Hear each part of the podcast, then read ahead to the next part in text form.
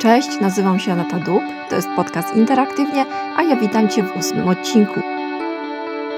Dzisiaj opowiadam o współpracy twórców internetowych z markami.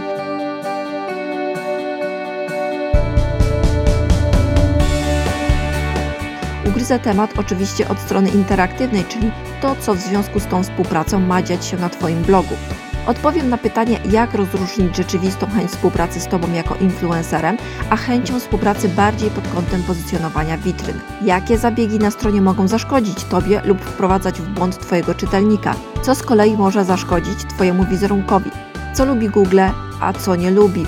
I kto ponosi największe konsekwencje? Jak podchodzić do artykułów sponsorowanych?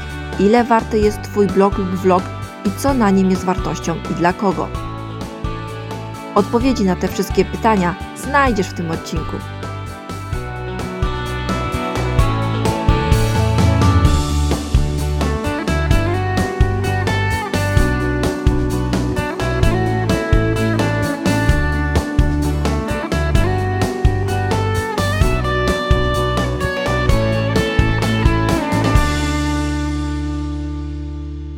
Ostatnio na jednej z grup facebookowych dla blogerów początkujący twórca internetowy opowiedział o pewnej propozycji współpracy, którą otrzymał od jakiejś firmy. Współpraca miała polegać na umieszczeniu linku tekstowego pomiędzy poszczególnymi kategoriami bloga. Generalnie link miał się wtopić w layout bloga i pierwsza umowa miała być z góry na 12 miesięcy. Bloger był ewidentnie zainteresowany współpracą, zastanawiał się jedynie, jaką stawkę powinien zaproponować, a nie powinien w ogóle wchodzić w tą współpracę.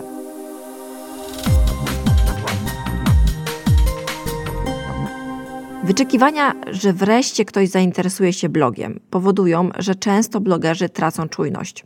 Nie analizują współpracy pod kątem swoich czytelników oraz utrzymania przede wszystkim wartości swojego bloga. Tutaj winowajcą są bardzo często statystyki oraz związany z nimi brak poczucia wartości tego, co się robi, oczywiście w sytuacji, gdy owe statystyki nie powalają zbyt dużymi liczbami. To powoduje, że zainteresowanie blogiem kogokolwiek, kto chce podjąć jakąkolwiek współpracę komercyjną, traktowane jest jak awans. Nie wspominając oczywiście o korzyściach finansowych, bo każdy prędzej czy później chce monetyzować swoją internetową twórczość.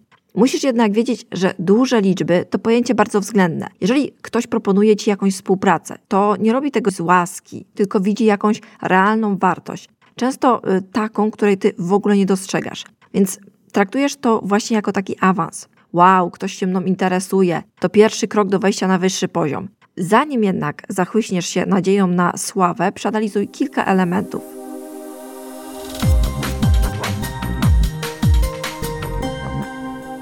Pierwszą rzeczą, na którą powinieneś zwrócić uwagę, to charakter współpracy. Czy firma interesuje się Tobą jako influencerem, czyli osobą, która ma wpływ na innych, czyli Twoją całą twórczością i Twoim zasięgiem? Czy też interesuje się przede wszystkim Twoją stroną internetową? czyli w tym przypadku blogiem. Jeżeli rozmowa będzie przede wszystkim o umieszczaniu linków w różnych miejscach i to głównie tekstowych, wtopionych w treść Twojego bloga, to już powinna zapalić Ci się czerwona lampka. To oznacza, że masz do czynienia raczej z firmą zajmującą się pozycjonowaniem stron internetowych. Oznacza to, że nie chodzi w zasadzie o reklamę na Twoim blogu, tylko o linki z Twojego bloga, które mają pozytywnie zadziałać na Google. Taka współpraca też zasadniczo długo trwa, od 6 miesięcy w górę. Wartość Twojego bloga pod kątem chęci pozyskania z niego linków jest sprawdzana inaczej niż pod kątem współpracy typowo reklamowej. Chociaż teoretycznie strona wysoko ceniona w oczach Google powinna być popularna, to w praktyce niekoniecznie tak jest. Zasadniczo strona może mieć pozytywne wskaźniki i jako dobre źródło linków może mieć wystarczającą liczbę odwiedzin, a dla Ciebie mogą to być jeszcze małe liczby i możesz czuć, że Twój blog nie przedstawia jeszcze żadnej wartości komercyjnej. Dla pozycjonera jednak jest to bardzo wartościowa strona, ale więcej o tym będzie jeszcze później. Drugi element, na który powinien zwrócić uwagę. Jeżeli zauważysz, że to nie jest współpraca typowo reklamowa, a chodzi przede wszystkim o pozyskiwanie linków z Twojego bloga, jednak ze względów finansowych będziesz chcieć taką współpracę nawiązać, to wiedz, że wiele popularnych zabiegów może być sprzeczne z dobrymi praktykami SEO i źle się odbić na Twojej stronie internetowej.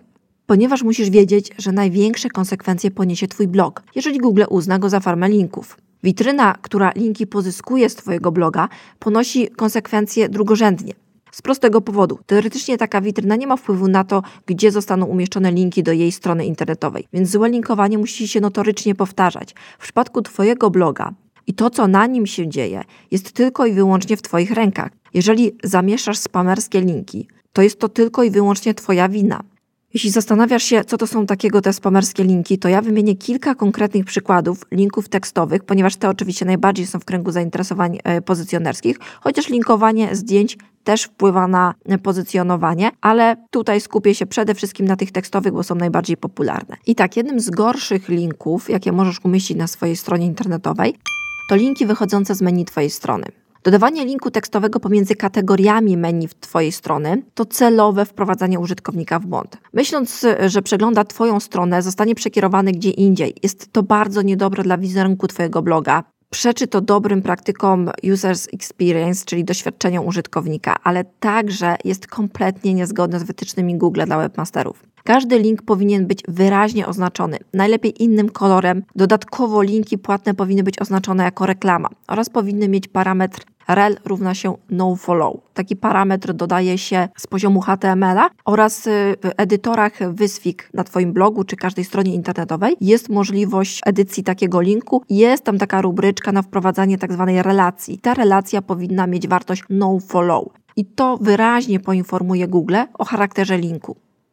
Kolejną złą praktyką linkowania jest ten sam link na każdej podstronie serwisu. Tyczy się to linków z nagłówka strony, ze stopki oraz czasami z bocznej szpalty. Serwisy internetowe są najczęściej tak skonstruowane, że umieszczenie linku w tych miejscach powoduje, że ten sam link jest na każdej podstronie. Google też tego nie lubi. Tak rozmieszczone powinny być tylko linki wewnętrzne z menu, a menu oznaczone najlepiej jako nawigacja. Tak mogą być też rozmieszczone reklamy, ale odpowiednio oznaczone, o czym wspomniałam w poprzednim punkcie. Chociaż i tak uważam, że lepszą praktyką jest sprzedawanie reklam tematycznych związanych z daną treścią, czyli na stronie artykułu, który jest tematycznie związany z daną reklamą. Wystrzegaj się linkowania ze stopki y, strony oraz wszelkich linków powielanych na każdej podstronie. Przecież gdy rzeczywiście polecasz wejść na jakąś stronę, to naturalnie umieszczasz takie linki w tekście, który do nich nawiązuje. I ten link jest zasadniczo jeden, a nie 100 czy 200 na Twoim blogu wedle tego, ile masz akurat artykułów dostępnych. Trzecią złą praktyką linkowania jest tak zwane linkowanie anchor tekstem. Linkowanie anchor tekstem oznacza, że bierzesz sobie słowo, które jest dla Twojego kontrahenta ważne. Jest ono u niego frazą kluczową, pod którą on się w zasadzie pozycjonuje. Na przykład tak, takim słowem może być restauracja. Zaznaczasz to słowo i podlinkowujesz pod stronę tej restauracji. Kiedyś była to skuteczna metoda pozycjonowania stron. W wyniku nadużyć ze strony pozycjonerów, linkowanie na anchor teksty tylko i wyłącznie w tym momencie szkodzi. Twojemu blogowi, który jest źródłem takich linków również. A dlaczego Google tego nie lubi? Uznał bowiem, że naturalne linki tak nie powstają. Naturalne linki zazwyczaj są nazwami firm, adresami ich stron. Czasami jest to tekst y, tutaj albo kliknij, ale nie frazy, które są frazami kluczowymi do pozycjonowania stron. I obecnie liczy się otoczenie linku, a nie sam anchor tekst. A tak naprawdę anchor tekst może tylko i wyłącznie zaszkodzić. Wystrzegaj się więc tego typu linków. Kolejną taką kategorią linków, których powinieneś unikać, to są płatne linki z treści pod Anchor tekstem. Mówiłam już w poprzednim punkcie, że linki pod Anchor tekstem źle wpływają na SEO Twojej strony. SEO to jest optymalizacja strony pod wyszukiwarki, ale także zbiór dobrych praktyk dla twórców stron internetowych. Należy jednak zwrócić uwagę na to, że wszystko jest względne i tak na przykład słówko czy fraza kliknij tutaj też jest jakąś, ta, jakąś tam frazą, prawda, i anchor tekstem tak naprawdę. I czasami zdarza się, że intuicyjnie linkujemy na przykład, a tutaj znajdziesz listę samochodów i ta fraza lista samochodów jest podlinkowana do rzeczywiście tej listy. I to jest jak najbardziej w porządku i nie ma z tym żadnego żadnego problemu, to jest dobra praktyka i ze strony Google nie mam się czego obawiać. Inna sytuacja jest, gdy na przykład mechanik samochodowy opisuje ofertę swoich usług na stronie internetowej i słowo samochód linkuje do salonu samochodowego, jakiegoś tam swojego kontrahenta czy firmy, która postanowiła nawiązać z nim współpracę e, a propos promowania się na jego stronie. Link taki nie jest naturalny, dodatkowo wychodzący, zakamuflowany w treści bez ostrzeżenia, że po jego kliknięciu użytkownik trafi gdzie indziej. Także takich linków też zdecydowanie wystrzegaj się. Kolejna zła praktyka linkowania to linkowanie wszystkiego jako do follow. Większość linków z Twojej strony powinna być oznaczona jako rel no follow co oznacza dokładnie nie podążaj za linkiem. Google i tak podąża za każdym linkiem. Umówmy się, jako najlepsza wyszukiwarka chce mieć zindeksowany cały internet, ale teoretycznie uznaje, że linkiem nofollow nie przekazujemy mocy drugiej stronie, co powoduje, że linki nofollow są słabe. W praktyce jednak uważam, że Google nie jest głupi i fakt, że ktoś płaci za reklamy nie uważa za minus, a raczej za plus. Tylko po prostu szkoli twórców stron, żeby miał wszystko ładnie pooznaczane, żeby łatwiej mu było układać ranking. Także linki nofollow też są potrzebne i robią robotę, dlatego wszystkie linki płatne oznaczaj nofollow oraz wszystkie, które podajesz jako przykład czegoś. Jako do follow oznaczaj linki tylko te, które uznajesz za strony wysokiej jakości i chcesz swoim imieniem je wesprzeć. Z mojego punktu widzenia i po analizie różnych y, artykułów, stron i, i pozycjonowanych, wyciągnęłam takie wnioski, że link nofollow też świadczy o popularności witryny. Natomiast do follow już jest wskazaniem o wysokiej jakości tej witryny, tak? Ale sama popularność już robi robotę, bo musisz wiedzieć, że różnego rodzaju zaplecza internetowe, które są robione stricte pod pozycjonowanie, w zasadzie są w ogóle nie są popularne. Już nie mówiąc o tym, że tam ma być wysokiej jakości treść, ale bardzo często są to strony internetowe, które są odwiedzane tylko i wyłącznie przez roboty wyszukiwarek. I trzeci element, który należy przemyśleć. Jeżeli ma to być współpraca faktycznie reklamowa, a nie pozycjonerska, należy dokładnie przeanalizować, jaka to ma być reklama. We współpracy reklamowej warto raczej myśleć długodystansowo, czyli nie tylko o tymczasowych korzyściach finansowych, ale także o wizerunku bloga w przyszłości. Jeżeli zarzucisz go reklamami tak, że będzie wyglądał jak choinka na święta, to na wejście ten blog będzie wyglądał mało wiarygodnie, a wartość pojedynczej reklamy spadnie bez względu na ilość odwiedzin na Twoim blogu. Ale to pewnie jest dla Ciebie oczywiste. Mniej natomiast oczywiste jest pamiętanie o czymś takim jak user experience, czyli doświadczenia użytkownika. W przypadku reklam ważne jest, aby nie wprowadzać użytkownika w błąd nie powinien mylić reklamy z treścią Twojej strony, a tym bardziej nie powinien mylić linków wychodzących, inaczej zwanych linkami wyprowadzającymi, z nawigacją Twojej strony, czyli linkami wewnętrznymi. Dlatego reklama powinna być zawsze wyraźnie oznaczona. Nie powinna też w żaden sposób utrudniać korzystania ze strony. Pomijam już fakt, że reklamodawca nie powinien chcieć atakować reklamą osoby niezainteresowane. Najważniejsze jest jednak to, że to Ty nie możesz godzić się na atakowanie swoich użytkowników. Jakiekolwiek pogorszenie komfortu użytkowania witryny, konsumowania treści nie powinno mieć miejsca dla dobra wizerunku Twojego bloga. Kilka takich technik, które nie są zgodne z dobrymi praktykami projektowania doświadczeń użytkownika na stronie internetowej, to na przykład pop-upy, czyli wyskakujące okienka w trakcie czytania treści. Najczęściej wywołują irytację i rozpoczyna się rozpaczliwe poszukiwanie przycisku X, żeby takie okienko wyłączyć. Takie okienko może też wybić czytelnika i spowodować opuszczenie witryny. Irytacja będzie tym większa, im reklama będzie totalnie oderwana od tematu czytanej treści, ale i ta powiązana jest raczej niemile widziana. Kolejne irytujące reklamy to wideo z dźwiękiem z opcją autoplay. Jeżeli reklama wideo ma się uruchamiać samoczynnie, to koniecznie powinna mieć wyłączony dźwięk. Nie ma nic gorszego niż niespodziewany wybuch z głośników. Sam w sobie jest oczywiście mało przyjemny. Dodatkowo sytuację może pogorszyć fakt przebywania w pracy lub w miejscu, gdzie należy zachować ciszę. Lub gdy twój czytelnik podczas czytania y, twojego bloga będzie słuchał swojej ulubionej muzyki, zagłuszenie mu tego i wyrwanie go z transu na pewno grozi opuszczeniem Twojego bloga i raczej taką antypatią. Kolejne niemile widziane reklamy to takie, które są w tle bloga. Zmiana tła. Taka reklama wygląda w ten sposób, że tam, gdzie powinieneś widzieć białe elementy lub jakieś po prostu jednolite tło, no to widzisz w tym miejscu reklamę poza y, szpaltą tekstu po bokach. Widzimy takie reklamy w różnych portalach. Ja najczęściej widzę takie na Filmwebie. Teoretycznie taka reklama nie przeszkadza w korzystaniu strony. Z mojego punktu widzenia jednak po pierwsze zmniejsza czytelność. Dodatkowo po pierwszym wejściu czasem zastanawiam się, czy aby na pewno trafiłam tam, gdzie miałam zamiar trafić. Dlatego ja nie lubię takich reklam. Sam osądź, jak czujesz się na stronach z takimi reklamami i czy chcesz ryzykować, że użytkownik stwierdzi, że generalnie to źle trafił.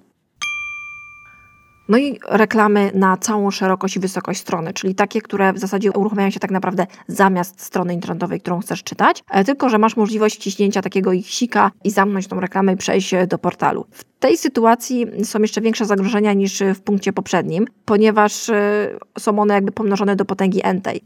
Zwłaszcza jeśli chodzi o problem pod tytułem Hello, gdzie ja jestem, ponownie przypomina mi się Filmweb, on jest po prostu królem pod tym kątem. Kilka pierwszych wejść, kiedy weszłam na Filmweb, gdzie zaczęły się pojawiać takie reklamy, to zaczęłam się zastanawiać, czy na pewno jestem tam, gdzie jestem e, i intuicyjnie chciałam po prostu zamknąć tą kartę przeglądarki. Znacie oczywiście serwisy internetowe, na których wejście skutkuje otwarciem się kolejnych kart przeglądarki, w których uruchamiają się różnego rodzaju reklamy. Dokładnie tak się czuję w sytuacji, w której y, mam reklamę na całą szerokość i wysokość strony internetowej i po prostu chcę intuicyjnie jak najszybciej zamknąć to okno przeglądarki. Co oczywiście skutkuje wyjściem z serwisu, no i znowu się zastanawiam, gdzie jest ta strona, którą uruchamiałam, uruchamiam ponownie i tak dalej, i tak dalej. No, nie jest to dobra opcja. W przypadku Filmwebu oczywiście ja wiem, że chcę się dostać na ten serwis już, ale jeżeli jesteś na etapie zdobywania zasięgu czytelników, popularności Twojego bloga, no to generalnie raczej to nie pomaga. I kolejną taką reklamą, która może bardzo istotnie wprowadzać użytkownika w błąd, to jest reklama, która jest umieszczana równorzędnie z Twoją grafiką na stronie. Załóżmy na przykład, że przeplatasz swoje artykuły zdjęciami i zamiast jednego ze zdjęć umieszczasz reklamę swojego partnera. Jest to ewidentne wprowadzanie użytkownika w błąd. Działa to w dwie strony. Na początku Twój czytelnik może po prostu reklamy uznawać za Twoją treść, ale też za jakiś czas może nie mieć pewności, czy Twoje zdjęcia, czy też grafiki to Twoja treść, czy to też jest reklama to oczywiście nie służy Twojemu blogowi. Jeżeli oznaczysz, że jest to reklama, to też słabo rozwiązuje problem. Użytkownik spodziewa się, że raczej, że są to zdjęcia lub ilustracja tłumaczonego problemu, a otrzymuje reklamę. To z kolei zakłóca schemat i użytkownik ponownie się gubi. Sztampowym przykładem takiego zabiegu jest przycisk download e, w różnych serwisach do pobierania plików. Masz wielki kolorowy przycisk download, który nawet jest oznaczony, że to reklama, ale jest wielki i wyróżniony. Innego nie widzisz. A właśnie zostałeś przeniesiony na stronę, na której powinien być przycisk pobierania. Więc automatycznie go klikasz. Gdy jesteś przeniesiony gdzie indziej, irytujesz się. Po jakimś czasie się uczysz i już wiesz, że musisz korzystać z bardzo małego przycisku gdzieś tam zakamuflowanego w bardzo nieintuicyjnym miejscu. Irytuje cię to, ale korzystasz z tego serwisu, bo nigdzie indziej nie ma potrzebnej dla ciebie rzeczy. Ale gdyby tylko była możliwość korzystania z innego serwisu, to by cię w takich miejscach zapewne nie było. Jeżeli tylko twój blog nie jest jedyny w temacie, na który jest mocne parcie, unikaj takich praktyk. Użytkownicy z pewnością znajdą bardziej przyjazne miejsce. Myślisz, że reklama przeplatana z Twoimi zdjęciami to nie to samo, co wielki przycisk download pewnie może nie jest dokładnie to samo, ale gdy Twoje zdjęcia są klikalne w celu ich powiększenia i reklama będzie klikalna w celu przeniesienia na stronę reklamodawcy, to będzie to dokładnie to samo. Zadbaj nie tylko o wyraźne oznaczenie reklamy, ale również o wyraźne, intuicyjne miejsce, gdzie reklamy umieszczasz. Najlepiej powtarzalne, zawsze w tym samym miejscu. Wiem, co teraz powiedzą specjaliści y, od reklam. W takiej sytuacji bardzo łatwo jest pomijać tą reklamę, a przecież chodzi o to, żeby przymusić użytkownika do tego, żeby jednak na tą reklamę spojrzał. Dlatego też się wymyśla coraz to lepsze miejsca, bardziej zaskakujące na umieszczanie reklam.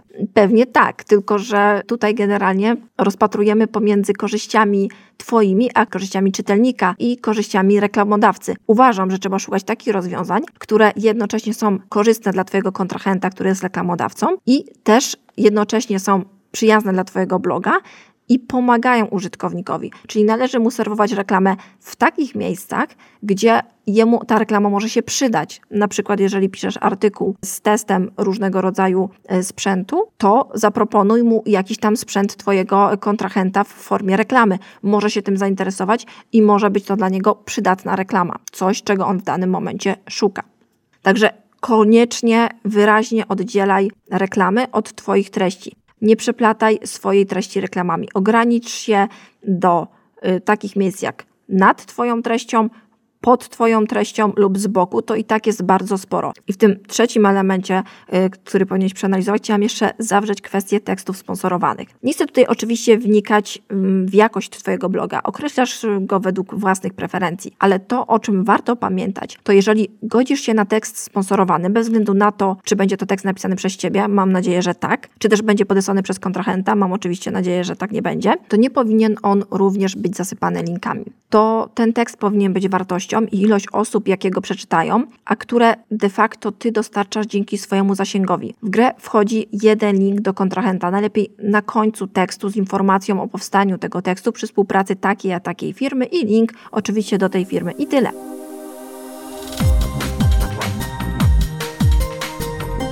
I czwartym takim ważnym elementem jest określenie odpowiedniej wartości Twojego bloga. Mam wrażenie, że zwłaszcza początkujący blogerzy mają z tym problem, ale nie tylko. Ci, co mają już całkiem fajne zasięgi, też mylnie celują w to, jaka jest wartość ich pracy. Przede wszystkim wartością pracy nie jest ten jeden tekst napisany przy współpracy z konkretną marką. Wartość jest cała praca wykonana wcześniej podczas tworzenia wszystkich treści, które zebrały publikę, a którą interesuje się dana marka. Jeżeli blogiem interesuje się pozycjoner, to wartością dla niego jest ilość i jakość zgromadzonych treści oraz oczywiście ruch na stronie. Pamiętaj, że link faktycznie klikany jest dużo bardziej wartościowy niż link, który nigdy nie zostanie kliknięty i został zrobiony tylko dla Google'a. Pomyśl, ile czasu taki pozycjoner musiałby tworzyć takiego bloga. Wiesz, bo to ty jesteś twórcą tych treści, wiesz zapewne, że to niemożliwe, żeby agencja czy freelancer zajmujący się pozycjonowaniem stworzył takiego bloga, bo biznes przestałby być rentowny. Dlatego nawet roczny blog z regularnie przybywającą treścią to jest ogromna wartość. Ale co z zasięgami? Wiadomo, że to one często przyciągają marki w celu współpracy, ale zasięg zasięgowi nierówny. Zasięg influencera w wielkości 100 tysięcy unikalnych użytkowników miesięcznie może przynieść marce mniej zysku niż zasięg w postaci przykład 20 tysięcy unikalnych użytkowników. Dlatego nie porównuj nigdy pustych liczb i nie myśl, że Twój blog jest słabszy, bo liczbowo nie umywa się do jakiegoś giganta. Zapewniam Cię, że Ferrari ma znacznie mniej sprzedanych egzemplarzy niż przykład Volkswagen, a raczej nikt nie powstydziłby się być Ferrari, prawda? Wszystko zależy od tematyki. W zasadzie im bardziej masz zawężoną grupę docelową, tym lepiej dla Twojego kontrahenta. I tym Twój zasięg jest bardziej ekskluzywny i jest w stanie wnieść realnie wartość przekładającą się na konkretną sprzedaż marki, która podejmie się z Tobą współpracy. Dla przykładu spróbujmy porównać sobie dwa abstrakcyjne blogi traktujące ogólnie rzecz ujmując o fotografii. Jeden to blog z fotografii fotografii podróżniczej, który zamieszcza przede wszystkim niesamowite zdjęcia z niesamowitych podróży. Liczba miesięcznych unikalnych użytkowników to powiedzmy 100 tysięcy. Potencjalny zasięg takiego bloga to może być każdy Polak, a nawet nie tylko Polak, bo podstawową treścią są fotografie. Użytkownicy lakonicznie przeglądają na tym blogu wspaniałe zdjęcia, zazdroszcząc cudownych podróży. Drugi blog niech to będzie mm, taki traktujący o specjalistycznym sprzęcie fotograficznym dla profesjonalistów, zaawansowanych technikach y, fotograficznych itd. Tak Liczba unikalnych użytkowników miesięcznie to powiedzmy 10 tysięcy.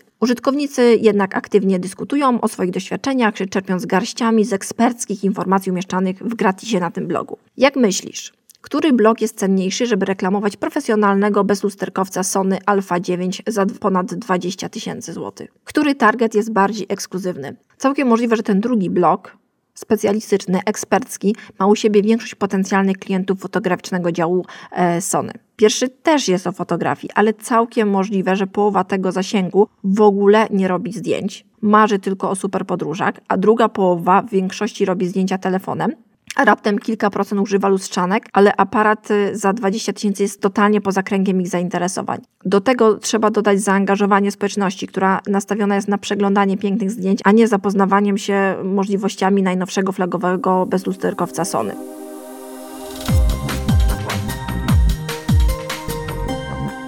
Podsumowując, Twój blog, nawet bez wielkiego zasięgu, z dużą ilością dobrej treści i domeną żyjącą już ponad rok, robi się mocno wartościowy dla pozycjonerów. Trzeba być ostrożnym, aby nie zrobić z niego farmy linków do mało wartościowych stron. Warto też dbać o doświadczenia użytkownika na Twojej stronie nie powinno się utrudniać konsumpcji treści, którą z taką starannością tworzysz. A wszystkie linki wyprowadzające na zewnątrz powinny być oczywiste. Nie należy kamuflować linków wychodzących pomiędzy swoim e, menu, pomiędzy swoimi kategoriami, e, pomiędzy swoimi ewidentnie wewnętrznymi linkami. Linki wewnątrz treści Twojego artykułu powinny stricte tematycznie dotyczyć treści i ją uzupełniać, a nie być tylko w jakiś tam sposób e, powiązane tematycznie. Jeśli zależy Ci na SEO, a myślę, że każdemu powinno, to warto zwrócić uwagę na to, co lubi Google, a czego nie lubi. Często jest to zbieżne z dobrymi praktykami e, projektowania wrażeń użytkownika. Zasięg jest bardzo względny i o wartości Twojego bloga decyduje wiele innych czynników. Sam zasięg należy mocno rozpatrywać przez pryzmat poruszanej tematyki oraz specyfiki i grupy docelowej. Blog specjalistyczny nie należy porównywać np. z blogiem lifestyle'owym. I to już wszystko, co dzisiaj dla Ciebie przygotowałam. Zapraszam Cię na mojego bloga anetaduk.com ukośnik p ukośnik 8 jak ósmy odcinek tego podcastu, gdzie znajdziesz wszystkie notatki do tego odcinka. Jeżeli ten odcinek w jakikolwiek sposób Ci pomógł, to proszę daj znać w komentarzu na blogu, poprzez opinię iTunes lub na Facebooku. Będę bardzo wdzięczna. We wszystkich mediach społecznościowych znajdziesz mnie pod nickiem Aneta Duk, pisane razem. Jedynie na Facebooku pod nickiem anetaduk.com, również pisane razem bez kropek. I oczywiście zapraszam Cię kolejny wtorek na kolejny odcinek i do usłyszenia.